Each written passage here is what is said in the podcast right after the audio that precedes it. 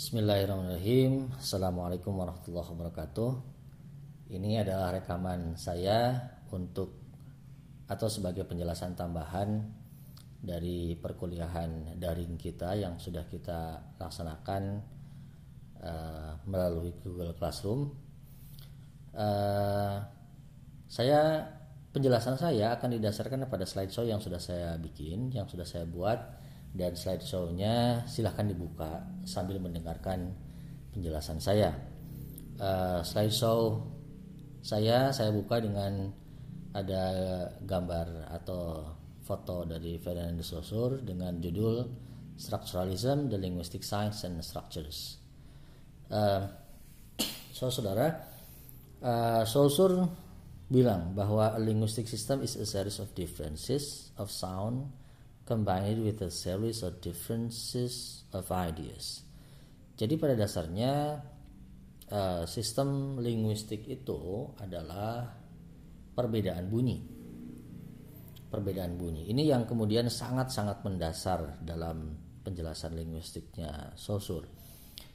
Saya sebetulnya sudah bisa uh, apa ya melihat uh, dari diskusi kita di Google Classroom ternyata atau pada dasarnya Anda sudah paham sekali dengan uh, linguistik Saussure ini. Dan yang paling utama dan terutama tentunya adalah konsep oposisi biner. Dan oposisi binernya ada, ada empat. Nanti kita buka satu-satu di slide show saya berikutnya. Uh, saya menjelaskan dulu terkait dengan uh, penjelasan di cover atau slide show saya ini cover slide show saya ini uh, linguistic system is a series of differences of sound combined with a series of differences of ideas. Jadi uh, yang dimaksud dengan sistem linguistik adalah rangkaian perbedaan bunyi dan dikombinasikan dengan rangkaian perbedaan gagasan atau uh, konsep. Dan itu secara langsung merujuk pada oposisi biner yang pertama sebetulnya yang akan uh, saya jelaskan yaitu terkait dengan signifier dan signified. Sekali lagi pada dasarnya Anda uh, sudah paham dengan ini. Um, yang dimaksud dengan signifier adalah sound image, adalah bunyi. Jadi ketika saya berbicara di rekaman ini, inilah bunyi. Inilah yang kemudian disebut dengan signifier. Ketika Anda memahami apa yang kemudian saya jelaskan, itu adalah termasuk ke dalam signified atau konsep jadi di slide show saya Anda bisa lihat bahwa uh, umpamanya ada arbor. Arbor ini uh, bahasa Prancis ya untuk tree, untuk pohon. Jadi ketika ada seseorang membunyikan po, kata pohon, kata arbor di, di orang Prancis atau di bahasa Prancis atau tree di bahasa Inggris, maka yang tergambar di kepala kita tentunya adalah gambar pohon. Selalu seperti itu. Dan di slide show saya juga ditambahkan dengan uh, kata rose misalnya. Ketika kita atau Anda atau saya mengatakan kata rose atau Anda membaca kata rose itu bisa berarti atau maknanya signified yang pertama dalam pikiran kita dalam realitas pikiran kita itu memang bunga mawar seperti apa adanya saja yang biasa kita lihat bunga mawar. Dan ternyata rangkaian signified ini uh, akan sangat memungkinkan kita untuk memahami beragam makna, beragam konsep. Ternyata dari rose di slide saya itu bisa bermakna passion atau hasrat atau cinta atau apa pun tergantung uh, konvensi yang kita sepakati untuk untuk memaknai rose itu. Maka ada level kedua ternyata di dalam bahasa itu bahwa satu signifier uh, entah itu dibunyikan entah itu dibaca itu ternyata bisa mengandung makna yang lain. Inilah yang kemudian yang dikembangkan oleh para linguis untuk memahami teks-teks yang ambigu. Nanti kita akan masuk ke dalam salah satunya yang ambigu. Apa yang ambigu itu adalah teks sastra atau yang lainnya tentunya. Jadi sederhana signify signify dan dan saya yakin Anda sudah paham dengan itu semua. Um, dengan melihat slide show saya saja atau melihat atau membaca dari buku uh, realitasnya sebetulnya Anda sudah paham. Jadi saya tinggalkan signifier signified. Kita masuk ke uh, penjelasan slide saya yang berikutnya yaitu lang parol. Nah, yang menarik adalah ketika saya ingin membahas lang parul ini uh, dari diskusi kita di Google Classroom itu ternyata uh, hampir semua kelas atau bukan hampir ya mungkin mungkin semua kelas di semua kelas ternyata uh, Anda membahas atau ada yang bertanya atau mempertanyakan apakah bahasa isyarat itu termasuk ke dalam bahasa uh, yang dikategorikan atau didefinisikan oleh Ferdinand de Saussure atau atau tidak atau bukan. Ini harus dipahami lagi-lagi. Makanya kalau tidak salah di beberapa uh, kelas atau di di semua kelas yang ada ada pertanyaan itunya, pertanyaan mengenai bahasa isyarat, saya berulang kali memancing Anda dengan eh, kata-kata seperti ini. Kita letakkan dulu duduk perkaranya apakah apakah betul bahasa isyarat itu masuk ke dalam kategori uh, bahasa yang dimaksud oleh Saussure atau bukan? uh, anda bisa lihat di buku uh, definisi dari dari bahasa itu sendiri uh, uh, apa language is a system of sign that express ideas uh, yang bisa diperbandingkan incomparable with katanya di sananya incomparable with yang berarti ketika incomparable with itu halaman berapa saya lupa lagi saya tidak sedang membawa buku. Uh, silakan dicari ya itu halaman berapa presenter harus bertanggung jawab uh, dijelaskan lagi saja oleh presenter nanti halaman berapa itu. Jadi um, uh, comparable with itu berarti berbeda. Ada ada perbedaan. Jadi ada titik-titik kesamaan ada ada yang berbeda. Jadi bahasa isyarat uh, itu kalau masuk ke dalam kategori uh, apa kalau dimasukkan ke kategori definisi dari Saussure itu bukan bukan bahasa gitu kita lihat lang dan parol ini jadi lang itu adalah grammar sebetulnya lang itu grammar. Jadi uh, yang dimaksud dengan grammar tentunya adalah kaitannya dengan sistem, dengan struktur, dengan bagaimana kita bisa berbahasa dalam konteks uh, seperti sistem tanda bunyi itu tadi. Cuma sistem tanda bunyinya memang sudah uh, di apa di dijabarkan, sudah di um, digambarkan di pikiran kita sehingga terstruktur.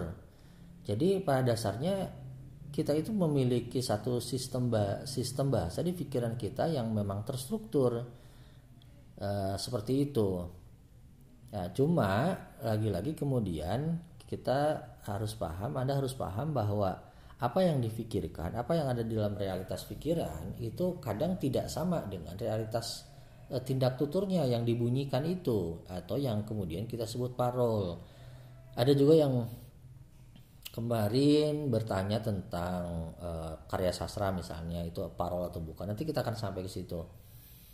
Um, misalnya begini, slideshow saya itu Anda bisa buka nanti ada uh, perbedaan antara lang dan, lang dan parol dalam bentuk visual. Uh, ketika Eh, menjelaskan parol di sini atau di situ Anda bisa lihat bahwa ada uh, seseorang ada wajah yang kemudian sedang berpikir language is a system of sign that express ideas um, itu secara langnya dan dan terstruktur banget uh, dari mulai subjek kemudian noun noun phrase dan sebagainya tapi ketika sampai di tindak tutur ternyata ada ada banyak sekali distraksi ada banyak sekali gangguan misalnya begini language is um, um, um, a system um, a system of signs which express um, um, dan sebagainya. Jadi ketika ada distraksi Anda anda Anda mungkin mengalami itu ketika presentasi. Banyak hal yang kemudian membuat Anda terdistraksi, terganggu oleh misalnya um, oleh nervous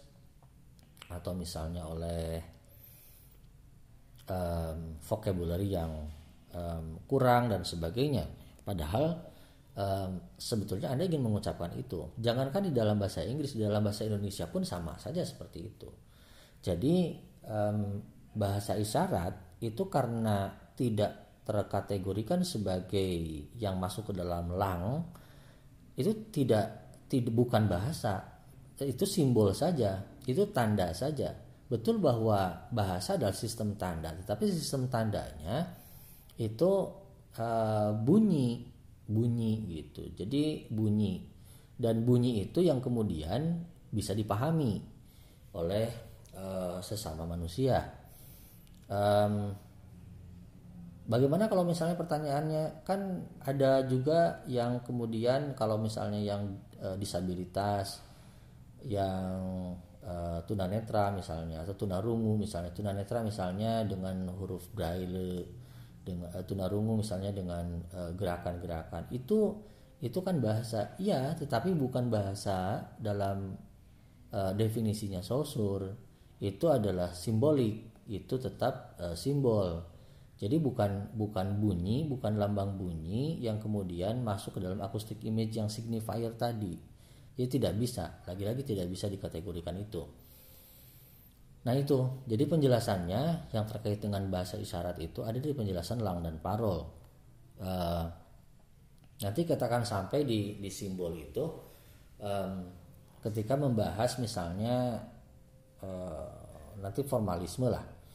Ya formalisme. Atau mungkin saya akan jelaskan sedikit juga terkait dengan strukturalismenya nanti. Strukturalisme dalam pengertian yang Jonathan Color ya yang satu lagi. Baik kita lanjutkan saja. Jadi sederhana saja itu lang parol jadi kalau misalnya um, seperti tadi tindak tuturnya jadi banyak distraksi jadi yang error itu yang mana? Yang errornya sebetulnya bukan parolnya tetapi memang langnya di langnya kita bahkan tidak mampu menyusun itu dengan baik. Gitu. Jadi otak kitanya error saudara-saudara. E, langnya itu error. Kalau kalau tindak tuturnya itu terpikirkan dengan baik seperti saya saja ini. Seperti saya bicara sebetulnya ini lang langnya juga ke mana-mana. Jadi tidak terstruktur beda dengan uh, ya apa ya beda dengan kalau misalnya kita membaca. Kalau kita membaca itu langnya itu langsung terstruktur sesuai dengan apa yang apa yang ada di struktur bacaan. Kalau berbicara seperti ini itu um, langnya itu memang ke mana-mana. Makanya ketika presentasi di kelas saya juga terkadang kan jadi ke mana-mana saja karena memang langnya berproses seperti itu apakah itu menunjukkan error? Ya mungkin bisa dipahami seperti itu uh, tapi tidak harus juga seperti itu dipahami sebagai yang error.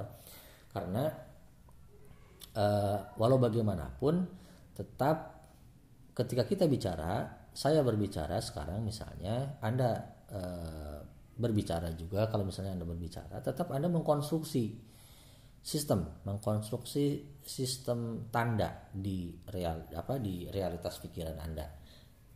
Yang karena kebetulan Anda sudah dewasa jadi Anda banyak sekali uh, kosakata akhirnya Anda mempertautkan kosakata itu dengan kosakata yang lainnya uh, dan kita akan sampai ke sintagmatik paradigmatik setelah ini ya uh, dan itu ada kaitannya. Dan akhirnya di pikiran Anda itu kan jadi banyak hal sehingga ketika Anda ingin menstrukturkan dengan baik, akhirnya eh, kadang misalnya ada dari Anda yang harus ditulis dulu, ada yang uh, apa ya? Ya harus ditulis dulu, harus dikonsep dulu gitu, dikopi dulu dan sebagainya. Ada yang yang sudah terbiasa uh, presentasi, yang sudah terbiasa ngomong, yang sudah terbiasa lancar-lancar saja uh, tanpa ada distraksi dan sebagainya gitu.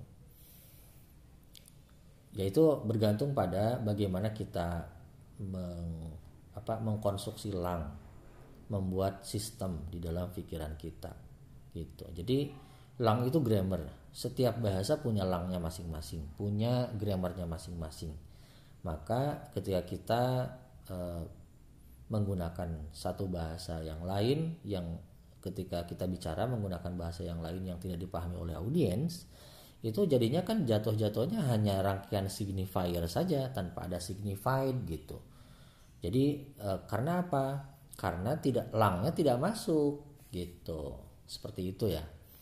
Kita lanjutkan biar tidak terlalu panjang e, di slide berikutnya ada sintagmatik dan paradigmatik. E, sausurnya sendiri sebetulnya lebih menjelaskannya atau mengistilahkannya asosiatif. Paradigmatik ini sebetulnya adalah uh, pengembangan atau perkembangan kemudian. Uh, salah satu yang mengembangkannya adalah Louis himself dan Roland Barthes. Makanya disebut paradigmatik. Sebetulnya sausurnya sendiri bilangnya asosiatif. Jadi begini sintagmatik itu adalah hubungan struktur in presensia in presensia in presensia itu adalah horizontal. Jadi satu satu rangkaian struktur bisa anda baca di di slideshow saya. The ridiculous girl fell into the pond. Ridiculous itu bisa di uh, itu misalnya diganti atau bisa setara dengan silly, foolish, funny, crazy, classy, begitupun girl, misalnya person, woman, lady, princess dan sebagainya. Kalau Anda membacanya dari samping kiri ke samping kanan secara horizontal. Itulah sintagmatik. Tetapi kalau Anda membacanya bahwa ridiculous bisa diganti dengan silly, bahwa girl bisa diganti dengan lady, bahwa fell bisa diganti dengan jump, pon bisa diganti dengan si itulah in absentia atau paradigmatik. Uh, in presensia ini inilah yang dibunyikan. Inilah yang di, diutarakan. Jadi sintagmatik itu uh, apa lebih ke parol sedangkan paradigmatik itu lebih ke lang um, lalu kan kata Saussure yang paling diutamakan itu langnya sebagai sistem, sebagai gramatika. Iya, betul. E, makanya kemudian um, Anda bisa lihat lagi di satu di apa di pinggirnya masih di slideshow yang itu. Anda coba lihat. The color of this shirt is very bright. Kalau misalnya colornya diganti dengan blade, uh, shirtnya diganti dengan cheese, kemudian brightnya diganti dengan uh, loud, menjadi the blade of this cheese is very loud. Karena strukturnya benar saudara. Nggak ada yang salah di situ. Nah, yang yang jadi masalah adalah berarti langnya error, gitu kan? Hubungan paradigmatiknya yang salah, yang kemudian itu e, memunculkan satu parol yang yang yang salah juga secara e, signifiednya gitu loh. Secara signifiednya. Kalau signifiernya kan nggak ada yang salah di situ. Strukturnya benar subjek objeknya benar gitu kan. Nggak ada nggak ada yang salah.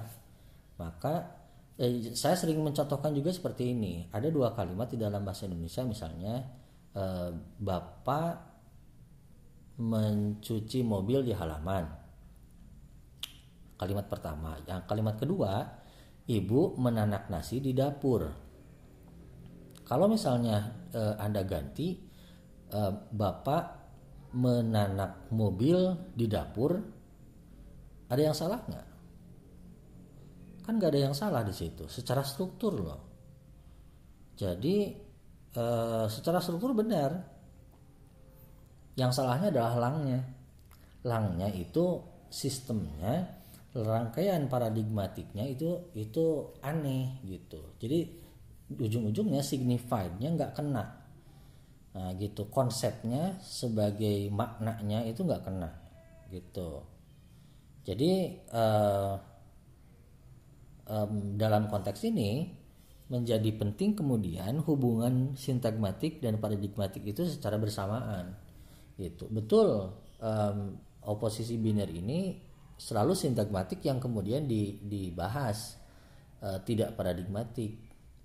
Um, kenapa seperti itu? Karena karena bagi linguis ya apa objek kajian itu betul di, di ranah sintagmatik objek kajian itu betul di ranah sintagmatik tetapi di uh, apa um, si sintagmatik ini uh, didekati oleh sistem uh, paradigmatik ini atau asosiatif atau uh, katakanlah grammarnya gitu loh jadi uh, sistemnya kan menjadi menjadi apa termanifestasikan muncul di dalam sintagmatik.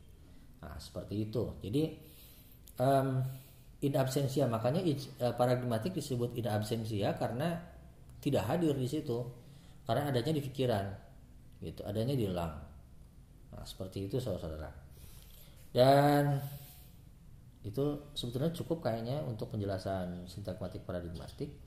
Dan selanjutnya adalah sinkronik diakronik ini juga Anda sudah paham semua lah nggak nggak terlalu banyak saya jelaskan kayaknya. E, cukup dengan melihat slideshow saya Anda bisa paham terkait dengan sinkronik dan diakronik ini.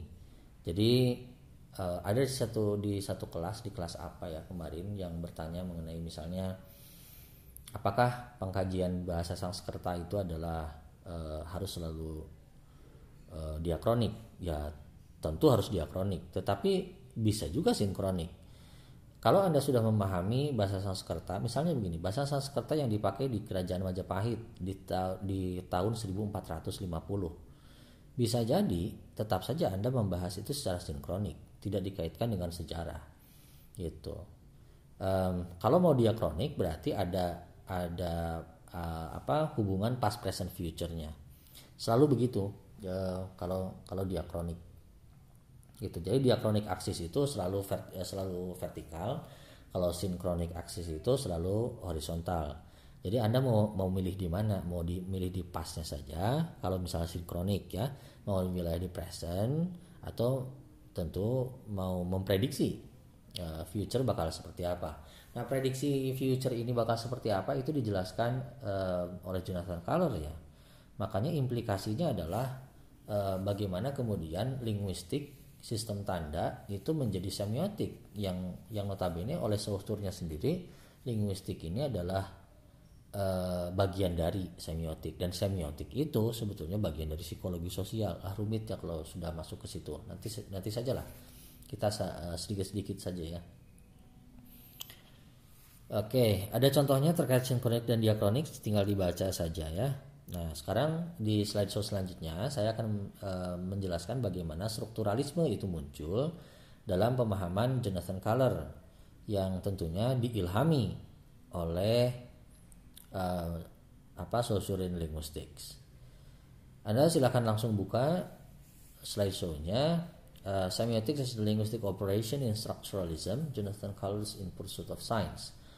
Di sana saya mengemukakan ada humanities, gaps, redundancies, special relationship, indeterminacies. Um, anda tahu bahwa Anda ada di uh, Fakultas Adab dan Humaniora. Um, seperti yang sudah saya uh, katakan berulang-ulang kalau tidak salah di kelas juga ya, bahwa ilmu humaniora itu adalah ilmu yang yang relatif ke mana-mana gitu betul-betul ke mana-mana. Uh, akhirnya banyak sekali gaps banyak sekali redundant banyak sekali special relationships. Ya banyak sekali lah indeterminacies uh, apa ketidaksepakatan, ketidaksepahaman, ketidakcocokan, banyak sekali pertentangan, uh, apa ketumpang tindihan dan sebagainya. Ilmu-ilmu lain tentunya ya dalam kaitan dengan ilmu yang lain di dalam ilmu humaniora. Sehingga uh, Jonathan Color mencoba untuk merefresh bahwa ternyata linguistik ini meng, uh, apa bersangat berkontribusi. Uh, linguistik Sausurian itu sangat berkontribusi terhadap uh, ilmu humaniora. Bagaimana sistem tanda yang dibuat oleh Saussure dengan munculnya signifier dan signified itu kemudian memunculkan satu model uh, semiotik yang berasal dari linguistik ala susurian uh, sehingga semiotiknya sendiri itu creating the past, articulating the present, projecting the future. Artinya adalah bahwa uh, semiotik itu bisa merang bisa secara diakronik um, apa merangkai hubungan antara hari ini dengan masa lalu. Bahkan masa lalunya bisa diciptakan uh, dengan melalui kajian signi, apa signified signified atau semiotik secara keseluruhan. Gitu articulating the present bah, hari ini kita bisa melihat segala sesuatu lewat kerangka semiotik lewat kerangka tanda lewat kerangka sistem tanda uh, bagaimana signifier dan signified itu betul-betul muncul di dalam um, perkembangan ilmu humaniora. Projecting the future bahkan itu juga bisa karena dengan memahami semiotik dengan memahami rangkaian-rangkaian tanda yang hari ini sudah muncul kita bisa memproyeksi kita bisa mem, apa mem, membayangkan masa depan itu seperti apa lalu eh, peta peta modelnya tentunya ada model linguistik ala Saussure dan eh, di semiotik ya dan uh, simbolik culture-nya Persian. Ini sekadar untuk me, apa tambahan pengetahuan saya sebetulnya bahwa semiotik itu istilah yang sering digunakan oleh uh, apa orang-orang Amerika Serikat biasanya dan Inggris semiotik. Tapi kalau Eropa kontinental mereka biasa menggunakannya istilahnya semiologi atau semiologi Nah, seperti itu. Um, disebut semiotik karena semiotik muncul dari uh, Charles Sanders di Amerika Serikat. Dia seorang ahli matematika, dia ahli filsafat pragmatik, uh, ahli filsafat pragmatis, uh, bukan pragmatik dalam pengertian uh, pragmatik mata kuliah linguistik ya. Ahli matematika dan sebagainya. Jadi ada dua ada dua pemodelan. Tapi dua pemodelan ini tidak akan saya jelaskan lebih jauh uh, karena uh, itu tidak terlalu penting buat kita hari ini. Yang jelas adalah keterpengaruhan dari linguistiknya Saussure, linguistic codes. The most prominent elements in structuralist analysis, shifting historical to historical perspective. Um, jelas linguistik ini uh, kan Saussure-nya sendiri menolak diachronik, menolak uh, penjelasan uh, historis. Yang berarti uh, kalaupun misalnya creating a past itu tetap sistemnya adalah sistem sinkronik articulating depression juga uh, tetap itu adalah uh, apa sinkronik dan sebagainya. Projecting the future juga sinkronik. Jadi tidak tidak terkait dengan um, historis. Kemudian meaning is always a product of relation as well as a positions within the system. Uh, lalu kemudian kita memahami bahwa uh, makna itu selalu merupakan produk dari hubungan antar unsur, antara strukturnya di dalam strukturnya di dalam satu sistem. Makanya memahami satu hal itu sudah saja satu hal saja memahami bahkan memahami apa ya memahami bangunan arsitektur memahami uh, teks ses, apa teks apa pun itu sistemnya saja yang kemudian yang dibahas tidak usah tidak usah yang lain itu yang dimaksud dengan ahistoris itu yang dimaksud dengan sistem jadi memahaminya cukup satu itu saja rangkaian yang ada di dalamnya maka e, kemudian menjadi tidak heran bahwa e, dalam kerangka semiotik atau dalam kerangka linguistik makna itu bisa dicapai, bisa muncul. Cuma akhirnya karena maknanya itu berbeda-beda antara satu pemahaman dengan pemahaman yang lain dalam walaupun dalam satu sistem yang sama, itu kan akhirnya menjadi menjadi labil, makna itu menjadi labil. Makanya semiotik itu diarahkan oleh oleh Jonathan Color itu ke arah a critic of semiotics gitu. Jadi semiotics or a critic of semiotics. Uh, menciptakan makna atau justru membongkar makna sebetulnya makanya ini yang kemudian disebut a deconstructive angel. Uh, pembongkaran atas makna itulah yang kemudian membuat uh, makna dalam satu sistem menjadi tidak ada. Nah ini ada kaitannya dengan nanti yang presentasi Derrida ya yang dekonstruksi. Jadi memahami Derrida itu juga e, bisa landasan awalnya dalam memahami yang teks Jonathan Color in Pursuit of Science ini. Nah, seperti itu. Dan saya show terakhir saya itu adalah uh, penjelasan mengenai strukturalisme sebagai um, upaya untuk menerapkan teori-teori linguistik terutama sosial linguistik ke dalam objek atau aktivitas di luar bahasa bahwa Anda bisa melihat sajak, novel, mitos, fashion system, TV programs, films, advertisements, restaurants, menu, oil, painting as a system of science. Yang berarti semua sistem tanda itu ada di mana-mana. Uh, Anda bisa membahas COVID-19 itu sebagai sistem tanda sistem tanda sebagai sebagai virus sistem tanda sebagai dilihat dari ilmu kesehatan dilihat dari uh, apa sistem tanda dilihat dari ilmu kesehatan sistem tanda dilihat dari uh, ilmu sosiologi misalnya dan sebagainya. Yang yang jelas tetap di dalamnya ada sistem tanda.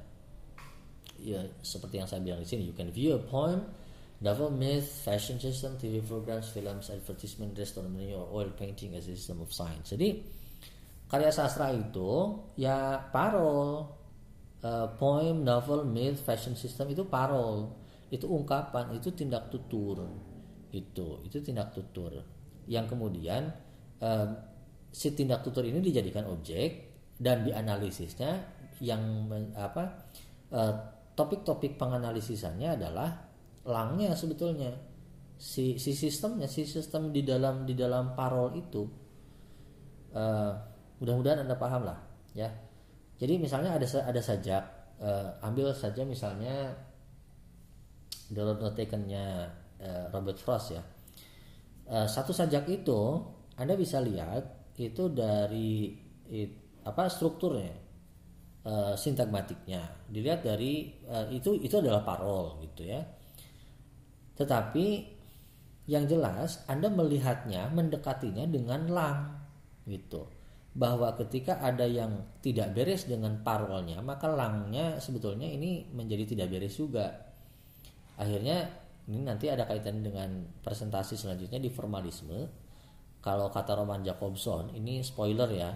Kalau kata Roman Jacobson, um, ya lang dari para sastrawan itu error semua ya gitu.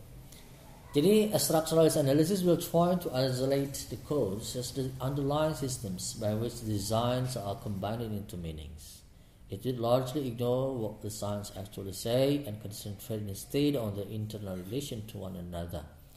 Jadi relasi antar struktur saja di sini strukturalisme itu um, mendekati satu satu hal meng, apa membahas satu hal hanya dari um, internal relations to one another yang kemudian nanti menciptakan makna.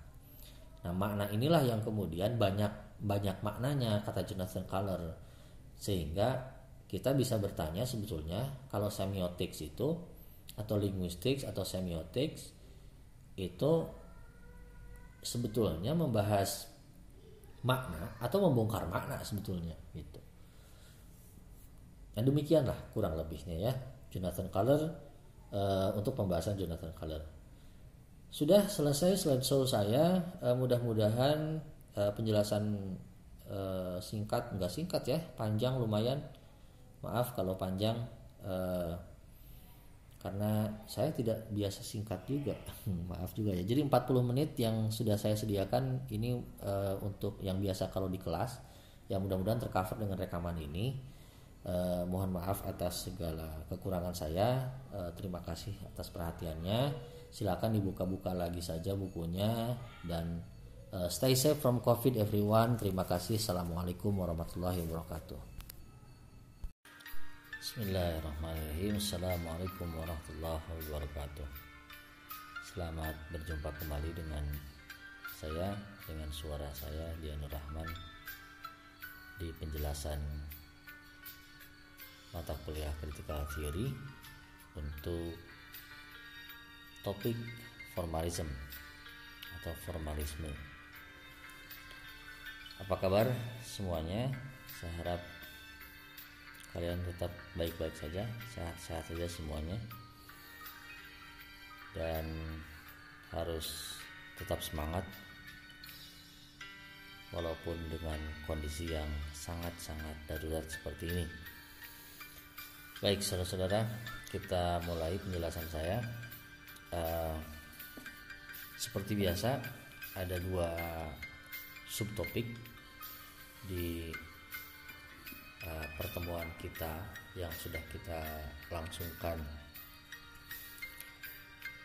melalui WAG di beberapa hari yang lalu. Subtopik yang pertama dari formalisme adalah linguistic violence and familiarization dengan mengambil teks inti dari Viktor Sklovsky. Sklovsky ya, bacanya seperti itu. Oh iya, uh, saya seperti biasa memberikan uh, PowerPoint saya juga. Jadi silakan penjelasan sambil mendengarkan penjelasan saya sambil membuka slideshow atau powerpoint yang sudah saya buat tadinya saya mau bikin uh, untuk per per satu slideshow audio recordingnya cuma ternyata tidak tidak sejernih saya merekam uh, seperti ini uh, melalui HP Baik, saudara-saudara, uh,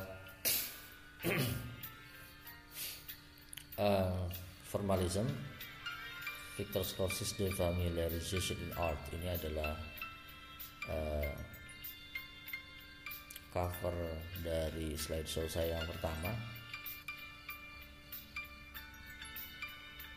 Yang membahas Victor Scorsese. Formalism uh, dibuka dengan penjelasan saya. Sebetulnya ini kalau di uh, buku. Ini adalah bagian dari penjelasan Jacobson penjelasan di subtopik yang kedua. Uh, tapi sengaja saya pindahkan untuk lebih memahamkan Anda supaya bisa paham perbedaan antara linguistik dan poetics jadi silakan dibuka slideshow-nya.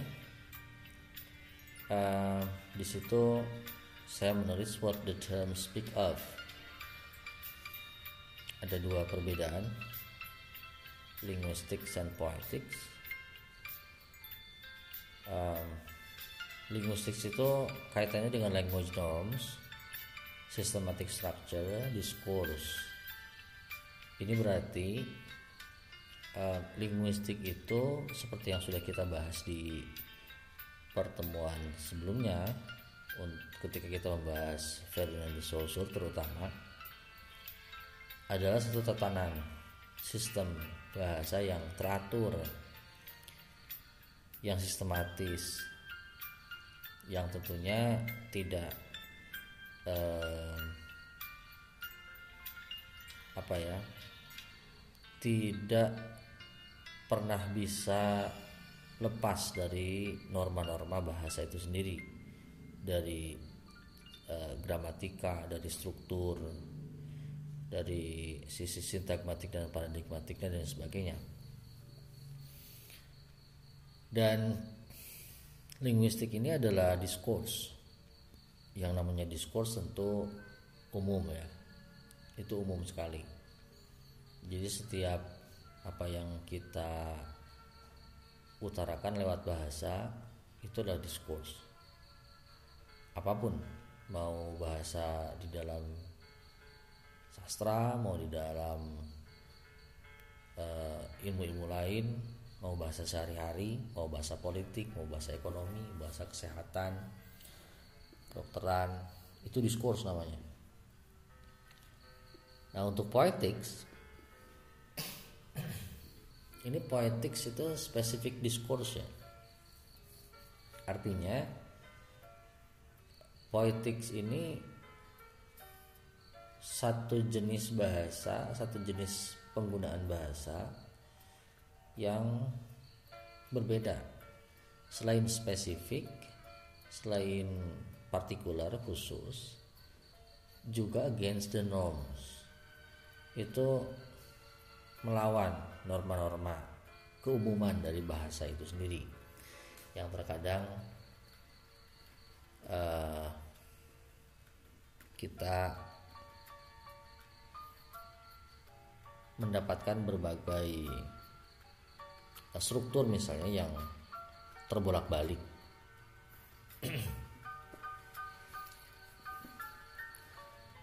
sehingga ketika kita sampai di uh, against the norms itu maka itulah yang dimaksud dengan linguistic violence kekerasan bahasa ya. Ada beberapa orang di diskusi kita di beberapa kelas itu mempertanyakan yang dimaksud dengan linguistic violence itu seperti apa. Sederhana linguistic violence itu adalah bentuk ketidaknormalan berbahasa. Ketidaknormalan di, di, di ketika kita atau ketika saya bilang ketidaknormalan itu dipandang dari sudut pandang linguistik tentunya. Nah, ini berarti bahwa di dalam poetik, di dalam bahasa puisi, bahasa sastra itu terdapat kekerasan bahasa.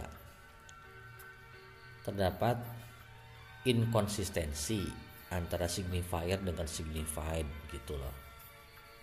Sederhananya begitu ketika kita bilang buku maka kita bilang buku. Ketika kita bilang uh, bunga mawar ya sebetulnya signifiednya itu bunga mawar. Cuma ketika kita masuk di tataran uh, bahasa sastra maka signifiednya itu berubah level ke level-level selanjutnya. Saya sudah menjelaskan terkait dengan ada rose, kata rose kemudian signified pertamanya adalah di konsep pikiran kita itu adalah bunga mawar. Lalu signified keduanya adalah passion misalnya atau love. Nah, bahasa puisi atau bahasa sastra secara umum itu mengandalkan kekerasan bahasa ini sehingga menjadi unik. Seperti itu.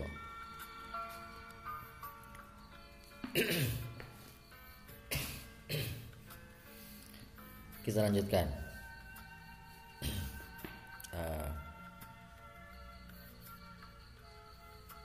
dan di situ saya nulis ada rather agrammatical dan ungrammatical. Ini artinya bahwa uh, bahasa sastra itu memiliki grammar. Tapi uh, grammar yang tersendiri. Jadi agrammatical itu artinya anti gramatikal bukan jadinya bukan ungrammatical bukan tidak bergrammar. Bahasa sastra itu bergrammar ada grammarnya tapi grammarnya unik. Dia melawan dia me me merombak grammar struktur tata bahasa yang baku yang ada linguistik nah kira-kira seperti itu.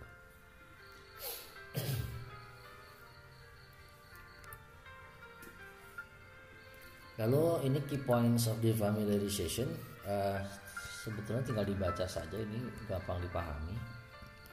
Slide berikutnya ya saya nulis di situ literature merely a specific language use.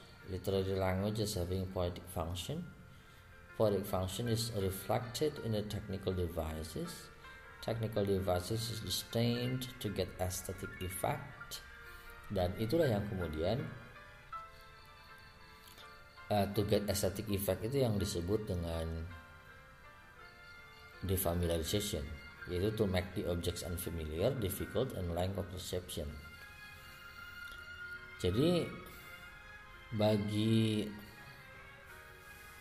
bagi seorang Slowski seni itu teknik.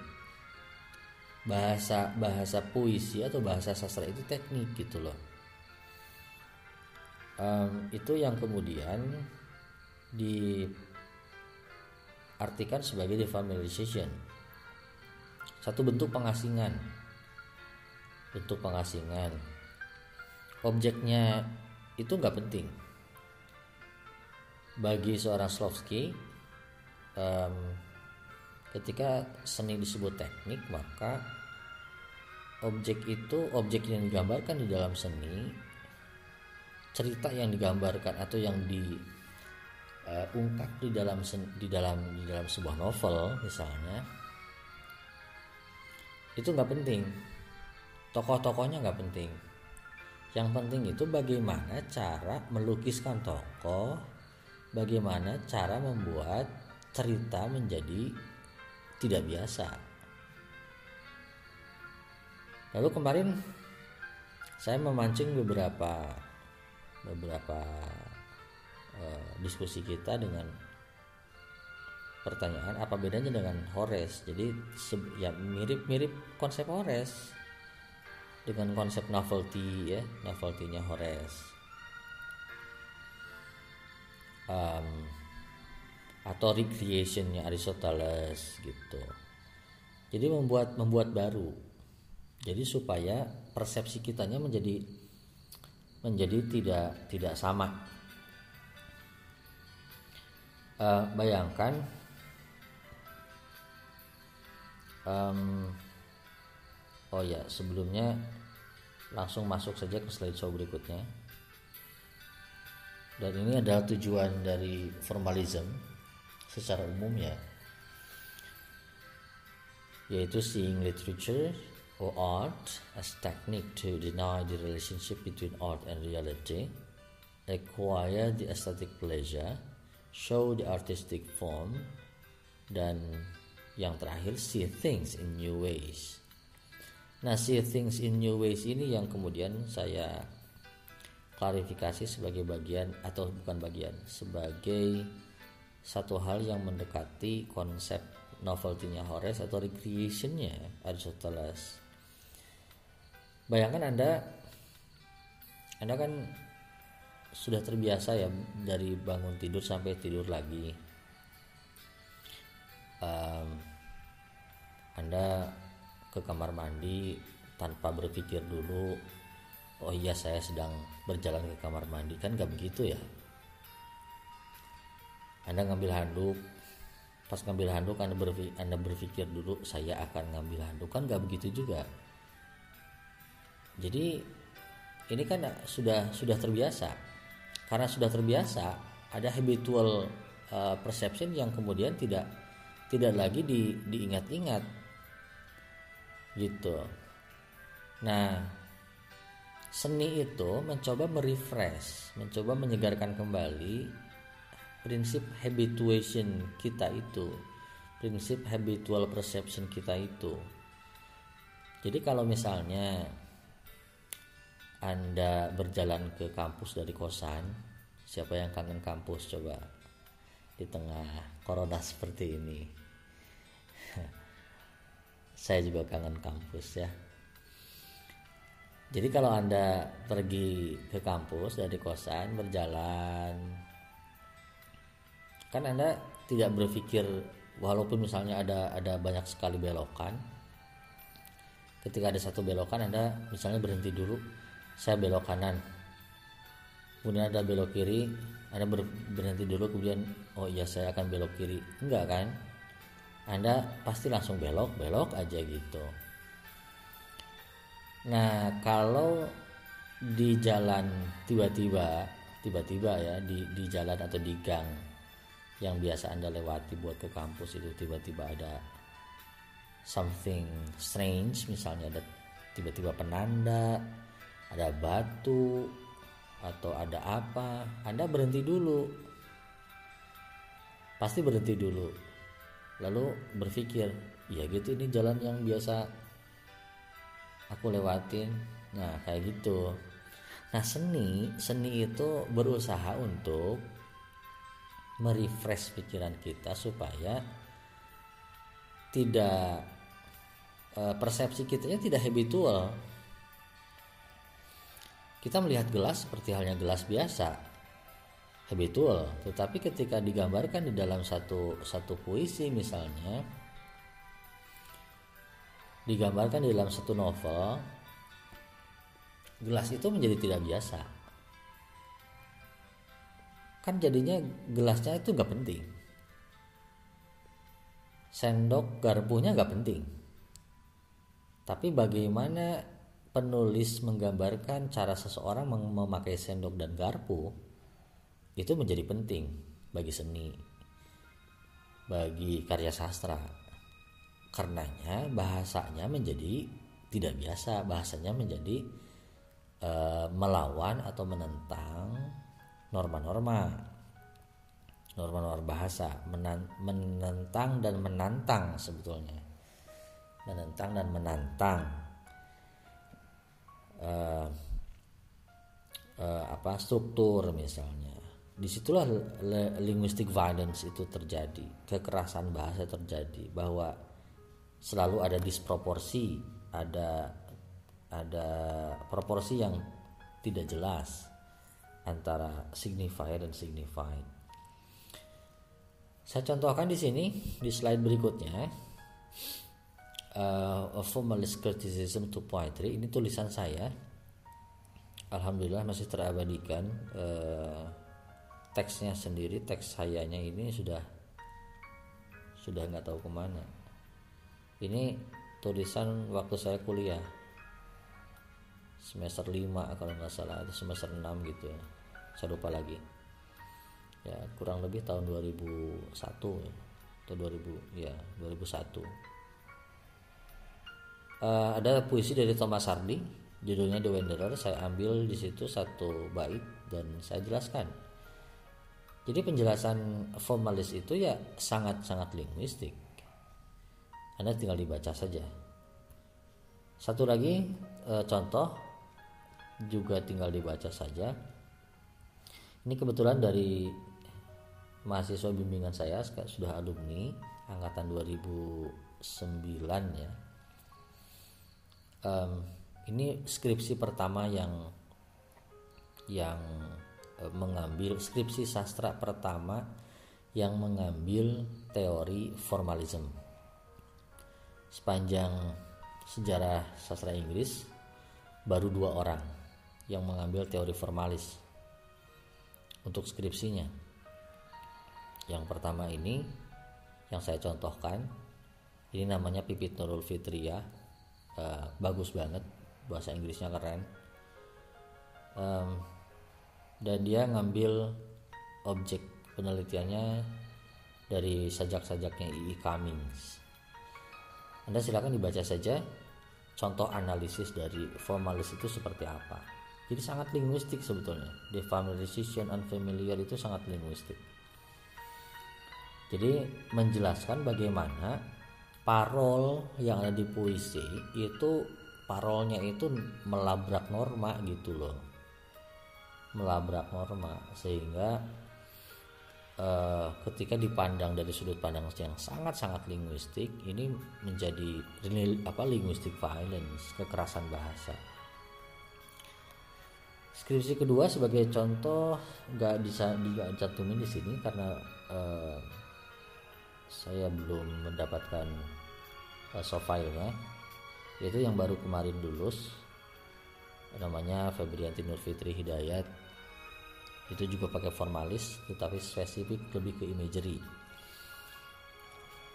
Uh, mungkin di lain waktu saya bisa contohkan. Baik itu untuk penjelasan dari saya terkait Shklovsky di teksnya Shklovsky itu banyak mencontohkan uh, Leo Tolstoy. Kenapa dia mencontohkan Leo Tolstoy? Katanya karena Leo Tolstoy itu yang lebih banyak dibaca. Sederhana saja katanya. Itu ada di halaman berapa ya? Halaman 78 anyone who knows Tolstoy can find several hundred such passages in his work. His method of seeing things out of the normal context is also apparent in his, in his last works Tolstoy described the dogmas and rituals he attacked as if they were unfamiliar. Nah, seperti itu. Jadi menjelaskan apa pun itu seperti unfamiliar.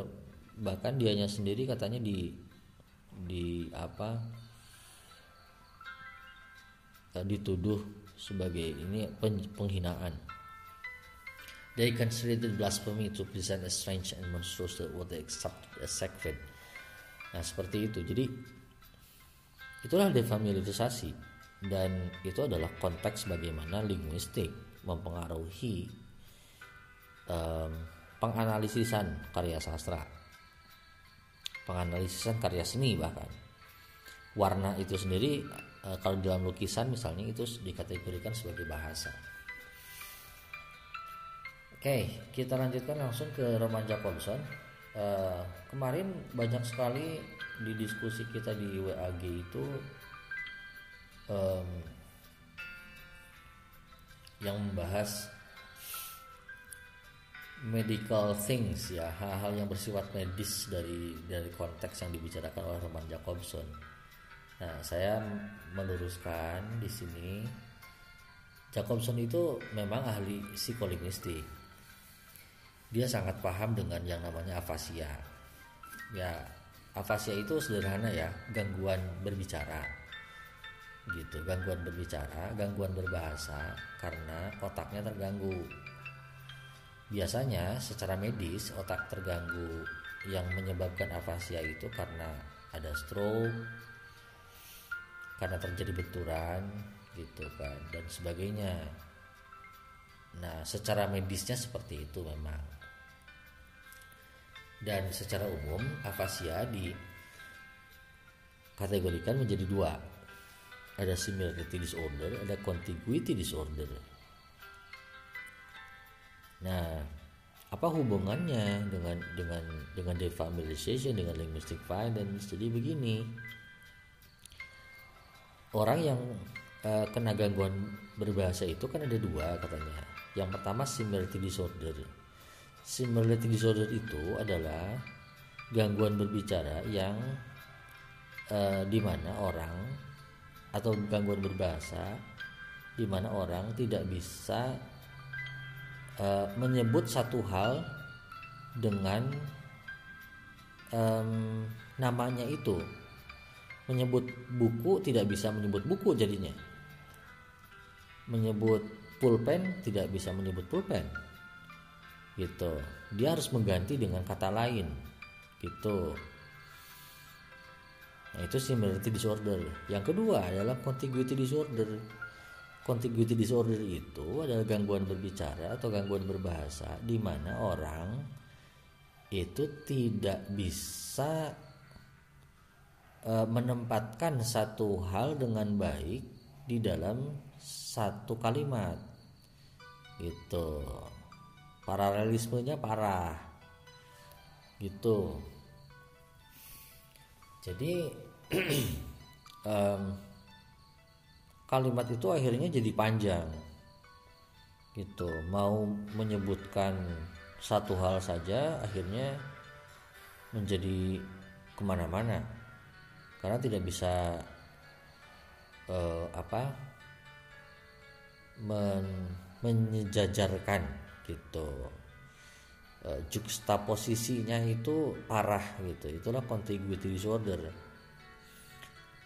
Nah makanya kok kata Jacobson kok ini mirip ya gitu. Kalau di dalam bahasa di dalam bahasa puisi atau bahasa sastra kok mirip gangguan berbicara yang atau gangguan berbahasa yang similarity disorder itu mirip ketika orang berbicara dengan menggunakan metafor. Sebaliknya, yang uh, contiguity disorder itu mirip ya gitu, mirip dengan orang yang kalau bikin kalau bicara atau bikin tulisan itu selalu berpanjang-panjang kata menggunakan paralelisme, menggunakan juxtaposisi, menggunakan e, pars pro toto, totem pro parte, misalnya segala macam digunakan. Nah, itu seperti orang yang berbicara menggunakan metonimi. Nah, makanya kalau metaforik itu kan kebanyakan ada di puisi, kalau metonimik ada di prosa gitu. Nah, untuk alirannya uh, ketika poetry itu lebih ke metaphoric speech maka aliran romanticism itu kebanyakan menggunakan metafor. Sedangkan aliran realis itu menggunakan metonimi. Sederhananya atau kesimpulan sederhananya bahwa seperti yang saya jelaskan spoilernya di penjelasan saya sebelumnya kok mirip gitu ya? Mirip kalau orang nulis karya sastra banyaknya metafor yang diutulisnya seperti di dalam puisi penulis para penulis puisi penyair kok mirip dengan orang yang kena gangguan afasia kategori similarity disorder Begitupun dengan yang nulis novel misalnya. Para penulis novel, novelis, cerpenis yang nulis prosa itu kok mirip ya? Mirip dengan orang yang kena gangguan afasia kategori contiguity disorder. Kenapa mirip? Ya anda membaca Amba novel Amba. Itu kan plotnya sederhana ya sok aja anda anda anda kebikin kategori plot. Kan plotnya sederhana. Tapi kenapa Laksmi Pamuncak itu menulisnya sampai 400 sekian halaman? Kan seolah-olah lo ya seolah-olah Laksmi Pamuncak itu kena gangguan afasia. Kategori contiguity disorder. Nah gitu penyair pun begitu. Saya misalnya suka nulis puisi pakai metafor metafor. Yaitu similarity disorder. Mirip gitu kata Jacobson. Nah contohnya di sini ada metaphoric pose. Saya ambil dari William Shakespeare Romeo and Juliet. Bagaimana Juliet is the sun itu metafor secara langsung and kill the envious moon itu metaphoric pose. Dan ini yang metonymic pole saya ambil dari novelnya William Golding Lord of the Flies. Sederhana yang yang metonymic poles itu kan mau ngejelasin senja tapi ngomongnya ke mana-mana banget. Kenapa nggak bisa ngomong senja? Kenapa nggak nggak twilight saja langsung? Kenapa harus at midday the illusions merge into the sky when the sun sank darkness drop? Kan Kenapa sih ya kalau gitu William Golding? Mungkin gitu kata Jacobson. Nah, jadi kutub kutub defamiliarisasi itu ada di dua hal. Ada di ada di poetic poetic language itu poetic apa? Poetic devices gitu. Kalau tidak metaforik ya orang pasti metonimik. Jadi yang metaforik itu personifikasi kemudian apa imagery simbol itu kutub metafor. Kutub metonimi tadi sudah saya sebutkan. Ada totem proparte pas prototo paralelisme juxtaposisi ironi paradoks nah itu metonimi gitu. Nah, gitulah ya kurang lebih. Sudah panjang udah habis berapa lagu ini lumayan. Eh, kalau masih ada yang mau ditanyakan silakan nanti setelah saya posting di uh, WA group. Anda Anda bertanya kalau tidak ada alhamdulillah berarti Anda paham gitu. Tinggal dibaca lagi saja gitu ya. Jadi eh, yang kemarin banyak sekali didiskusikan banyak sekali terkait afasianya segala macam. Oke lah nggak apa-apa. Anda pak harus harus masuk juga di wilayah itu. Tetapi memang banyaknya diskusinya kemarin nggak nyentuh gitu. Nggak nyentuh persentuhan antara kenapa misalnya Roman Jacobson ngambil contoh afasia sih untuk untuk nyontoin poetik situ untuk nyontoin bahasa bahasa sastra nah itu nggak nggak tersentuh sama sekali di semua kelas gitu jadi ya oke saya luruskan sekarang dan itulah penjelasan saya terima kasih itu saja mungkin yang bisa saya jelaskan untuk uh, topik formalisme. Selamat mendengarkan. Uh, kok selamat mendengarkan? Tadi selamat mendengarkan ya. Maaf. Uh, ya, mohon maaf saja atas segala kekurangan dari penjelasan saya. Terima kasih atas segala perhatiannya. Assalamualaikum warahmatullahi wabarakatuh.